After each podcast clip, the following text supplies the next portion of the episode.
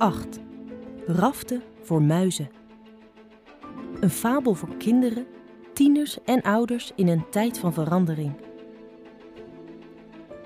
Uil was de kenmerken van het nieuwe medicijn aan het uitleggen, terwijl de staart van een hagedis, die ze net had opgeslokt, uit haar snavel stak. Een overeenkomst getekend in de kromme kuil verplichtte Uil niet te jagen op de muizen die daar leefden. Toch hadden de muisjes, die van raften hielden, voor de zekerheid roeispanen en lijnen meegenomen. Ze dienden gewoon als voorzorgsmaatregel en waren bedoeld om de anderen, en in het bijzonder de familie Witpluis, te beschermen, die om een audiëntie met Uil had gevraagd. Vader Witpluis, een verlegen plattelandsmuisje met een trillende snor, vroeg: Dus het is nieuw medicijn? Ja, gloednieuw, antwoordde Uil, net toen de staart van de hagedis met een klakbeweging in haar snavel verdween. Stelt u zich voor dat zoiets tot voor kort niet bestond. Maar het is lang geleden dat de dassen ermee bezig zijn geweest. En voordat u het kon krijgen, moest het eerst goedgekeurd worden door de Raad van het Bos. En hebben andere kinderen het al ingenomen? vroeg moeder Witpluis. In haar armen hield ze met veel moeite haar zevende kind, een albino-muis met waakzame, puberale ogen. El schudde met haar nekveren. Daar kunt u op rekenen, beste mevrouw. Het is een veilig medicijn, maar onthoud wel dat het correct moet worden ingenomen. Ik zal u hiermee moeten helpen. Toen wreef ze met haar snavel over het hoofdje van de albino-muis waardoor de hele familie Witpluis in paniek raakte en dacht dat ze misschien hun zoon zou opeten. Onmiddellijk richtten de raftmuizen hun roeispanen op Uil. Maar Uil merkte het nauwelijks op. Ze besefte niet welke onrust haar beweging had veroorzaakt. Medicijnen zijn belangrijk, ging ze verder. Nummer 7 heeft geen kracht om te lopen en na verloop van tijd, jaar na jaar, zal hij zwakker en zwakker worden. De muizen hielden hun adem in. Niemand in de kromme kuil durfde daar ooit openlijk over te spreken. Niet kunnen lopen was al moeilijk, maar de gedachte dat de muis later in de loop der jaren nog zwakker zou worden, was ondraaglijk en maakte de muizen echt van streek. Oké, dus waarvoor dient dit nieuwe medicijn? vroeg moeder Witpluis. Het zal uw kind meer energie geven, antwoordde El, terwijl ze even met haar veren schudde. Maar misschien is het nummer zeven die mij die vragen moet stellen. En weer huiverde de hele groep muizen. Het was niet normaal dat muizen het woord voeren. Laat staan met een roofvogel. Ik zou u eigenlijk graag een paar vragen willen stellen, fluisterde nummer zeven. Wilt u me helpen beter te worden? El keek hem aan met haar grote gouden ogen. Nee, zei ze. Verdriet overviel de groep, maar nummer zeven deinsde niet eens terug.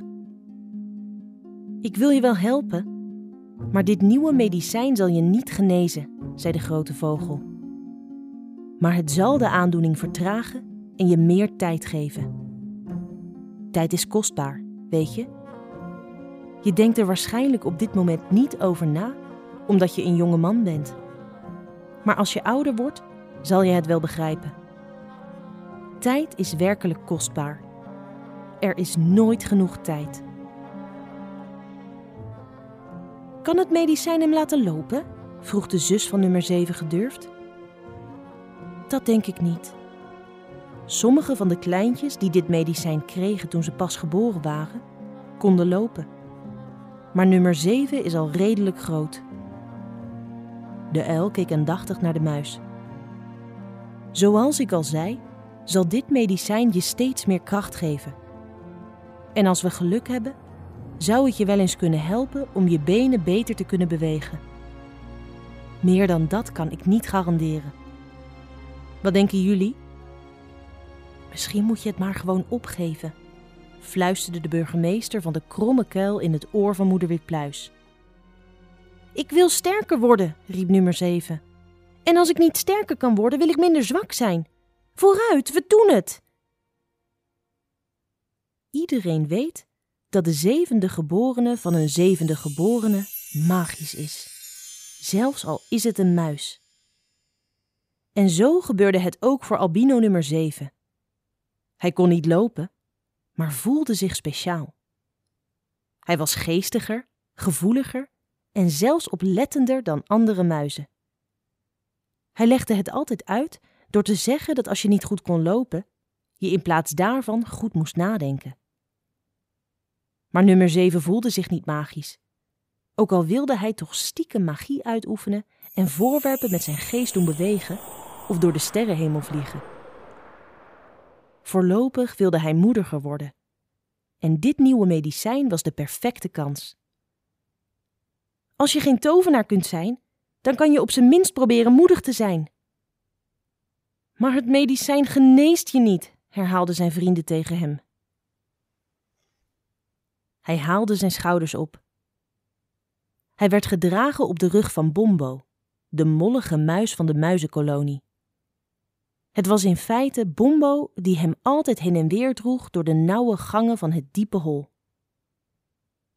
En hoe regelen we de toediening van het medicijn? vroeg Sleutelbloem. Ze was zijn nicht en nummer 7 had een oogje op haar. Nooit eerder had hij zo'n vriendelijk en nieuwsgierig muisje ontmoet. Op een keer zat Sleutelbloem met haar hoofd vast in een eikel. Zo vond ze per ongeluk een helm uit die het RAF-team later bij elke wedstrijd zou gebruiken. Zie je, zelfs de raftmuizen gebruiken de eikelhelm van Sleutelbloem. Nummer 7 dacht dat het lot was. Ik zal jullie eens vertellen hoe we die toediening gaan regelen, onderbrak Stengel. Hij was een jonge racemuis en ondanks zijn naam had hij sterke spieren onder zijn bruine gevacht. Jep, ik zal het jullie eens gaan vertellen. Hij gaat piepen als een babymuisje zodra hij het medicijn ziet. Nummer 7 was jaloers op Stengel. Niet alleen op het feit dat hij kon lopen, maar ook dat hij slim en dapper was en deel uitmaakte van een RAF-team. Hij wilde ook graag leren roeien, net als Stengel. De groep raftmuizen was net op weg naar de haven en probeerde allemaal nummer 7 op andere gedachten te brengen over de medicijnen. Ik ga jullie het tegendeel bewijzen, zei nummer 7 met een grijns die hij na verloop van tijd had leren vervolmaken. Bijen steken maken me bijvoorbeeld niet eens bang, zei hij. Ondertussen dacht hij dat hoe meer hij dit herhaalde, hoe meer hij het zou geloven. Ik zou doodsbang zijn, zei Bombo, terwijl hij probeerde de trap af te lopen zonder in de rivier te vallen met zijn maatje op zijn rug. Ook omdat het niet zomaar een medicijn is. Toen bereikten ze de boot, die gemaakt was van een groot blad dat, toevallig toch, bekleed was met bijenwas. De boot dreef licht en de rivier zelf was kalm. Maar in werkelijkheid leek de rivier alleen maar rustig. Net zoals nummer 7 al dagen leek te zijn. Hij probeerde inderdaad kalm te blijven, maar hij voelde een diepe onrust die zijn haren rechtop deed staan. Verder stroomafwaarts werd de rivier heviger en mondde al snel uit in een stroomversnelling. Ze monden uit in de beroemde springhaanwatervallen die op hun beurt weer uitbonden in het einde van de stroom waar het water rustig was en samenvloeide in een diep, maar kristalhelder meer. Bombo maakte de riemen los en plaatste nummer 7 voorzichtig op de steiger waar de boot aangemeerd lag. Voor de duidelijkheid, zodat ik me niet schuldig voel als je verdrinkt, zei Stengel met een ironische toon, maar toch een ernstige blik. Weet je zeker dat je dit wilt doen?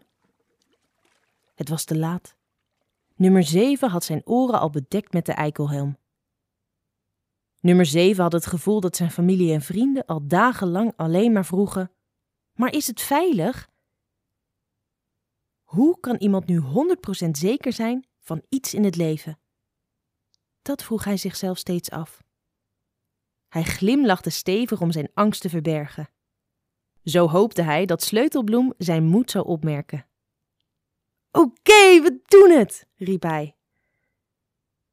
Het nieuwe medicijn werd toegediend op een tak van een esdoorn, een boom die met zijn wortels de ingang van het diepe fort verborg. Daarboven had El een speciaal, blinkend schoon nest klaargemaakt, zonder schimmel of meeldauw. Het nest was gemaakt van de beste luzernescheuten, zodat de procedure veilig en comfortabel was. En met de procedure worden de vele handelingen bedoeld die nodig waren om nummer 7 het nieuwe medicijn te geven. Voor de toediening van het medicijn gebruiken we een speciaal opgeleide bij. Zal het pijn doen? vroeg moeder Witpluis. Ze hield de arm van vader Witpluis vast en wist nog niet zeker of ze wel toestemming moest geven om verder te gaan. El krabde liefkozend op het hoofd van nummer 7 met een klauw die een slang in tweeën kon hakken. Nummer 7 slikte luid. Hij probeerde zijn trillende pootjes te verbergen. Doet het pijn? vroeg ook hij. Baby's merken het niet eens, zei El. Maar sommige grotere muizen voelen soms een beetje ongemak. In dat geval laat ik ze dromen met hun ogen open om te voorkomen dat ze pijn voelen. En hoe doet u dat dan? vroeg Sleutelbloem. Ze was er ook bij gekomen om steun te betuigen aan haar vriend. Ik ken een geheim recept dat gemaakt is van bessen en kruiden. Niemand zei een woord. Het recept maakt hem een beetje slaperig, legde El uit. Aha, dan denk ik dat het goed is, zei Bombo, die ook aanwezig was. Nummer 7 knikte met zijn hoofd. Ik ben er klaar voor. Wacht even, zei zijn vriend Stengel. Nummer 7 is heel dapper en zou zelfs op de bij kauwen als het nodig was, daar ben ik zeker van.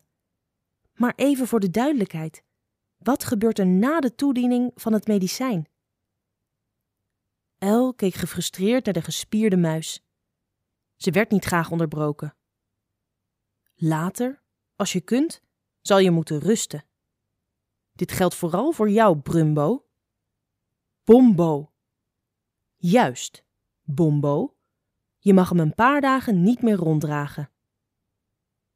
Terwijl ze dit vertelde, bevrijdde El haar bijenvriend. Maar in uw geval hoef ik je niet eens te waarschuwen. Want muizen met zwakke spieren worden toch niet veel rondgeslingerd, niet waar? lachte El. Natuurlijk niet, bevestigde vader Witpluis. Nummer 7 en zijn vrienden zagen er schuldig uit. Stengel maakte nummer 7 vast aan de boeg van de bladerboot.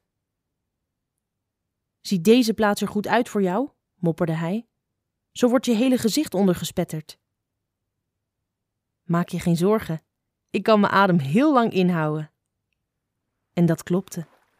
Nummer 7 was uitstekend in het water en kon vele seconden zonder adem. Sleutelbloem kneep in zijn poot. Mag ik naast je komen zitten? vroeg ze. Ik wil ook een paar spatten opvangen. Bombo zat achterin, waardoor de boot ineens sterk naar beneden kwam. Blijf stilzitten of we liggen al in het water voor we vertrokken zijn, zei Stengel. Hij wist niet waarom hij zich had laten overtuigen. Toen keek hij naar zijn vriend die aan de boeg vastzat. We gaan zinken en dan is het allemaal mijn schuld, klaagde hij. Maar toen zag hij de vastberaden blik van nummer 7. Oké jongens, omdat jullie toch niet van gedachten veranderen, neem dan maar de roeispanen. Bombo, niet bewegen. Hebben jullie allemaal jullie eikelhelmen op? De vrienden knikten allemaal tegelijk. Nummer 7, ben je klaar? Het is je eerste afdaling van de stroomversnelling. De eerste, maar niet de laatste, zei nummer 7, terwijl hij zijn ogen sloot en diep ademhaalde. Niet de laatste als ze onderweg niet sterven, natuurlijk. Zullen we dan maar vertrekken? vroeg hij.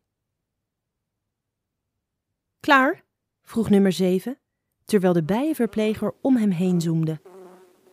Zijn mond was droog en het geheime recept leek hem helemaal niet in een trance te hebben gebracht. El vroeg nog een laatste keer: Weet u zeker dat u dit medicijn wilt proberen? Nummer 7 sloot zijn ogen en antwoordde met een grijns: Ja, Heel zeker. De stroming bracht de bladerboot onmiddellijk in beweging. Nummer 7 voelde dat de wind de vacht van zijn snuit deed rimpelen en zijn snor deed trillen. Binnen een paar seconden ging de boot opeens razendsnel vooruit en toen besefte hij dat Bombo eigenlijk best langzaam was als hij rende. Waarschijnlijk omdat Bombo eigenlijk een beetje te zwaar was om te rennen. Hoe dan ook, hij vond het erg leuk om met zo'n hoge snelheid door de rivier te vliegen. Wauw, zo snel! riep Sleutelbloem, terwijl ze zijn hand schudde. Voor even was nummer 7 de gelukkigste muis ter wereld. Maar toen de boot opeens in de stroomversnelling gleed, werd hij plotseling de bangste muis ter wereld. Woehoe! schreeuwde Stengel. Nu begint de pret pas. Een plotselinge plons doordrenkte de hele groep volledig. Hou je vast, herhaalde hij. De bladerboot werd door de stroming omhoog geslingerd, toen naar rechts en toen naar links. Hij slingerde en rolde woest op weg naar een stuk rivier vol golven. Waaah, riep nummer 7 dolgelukkig. Recht in de draaikolk. Stengel, die echt hoopte dat hij zijn vriend stevig genoeg had vastgemaakt, vroeg zich af wat er zou gebeuren als nummer 7 in het water terecht was gekomen. Hij zou zich waarschijnlijk kostelijk vermaakt hebben. En daarna zou hij waarschijnlijk verdronken zijn. Ik hoef mezelf niet te overtuigen, schreeuwde hij luid, zodat hij boven het geluid van de stroomversnelling uitkwam. De boot draaide heftig. Ze werden nogmaals met water bespat en hij maakte weer vaart.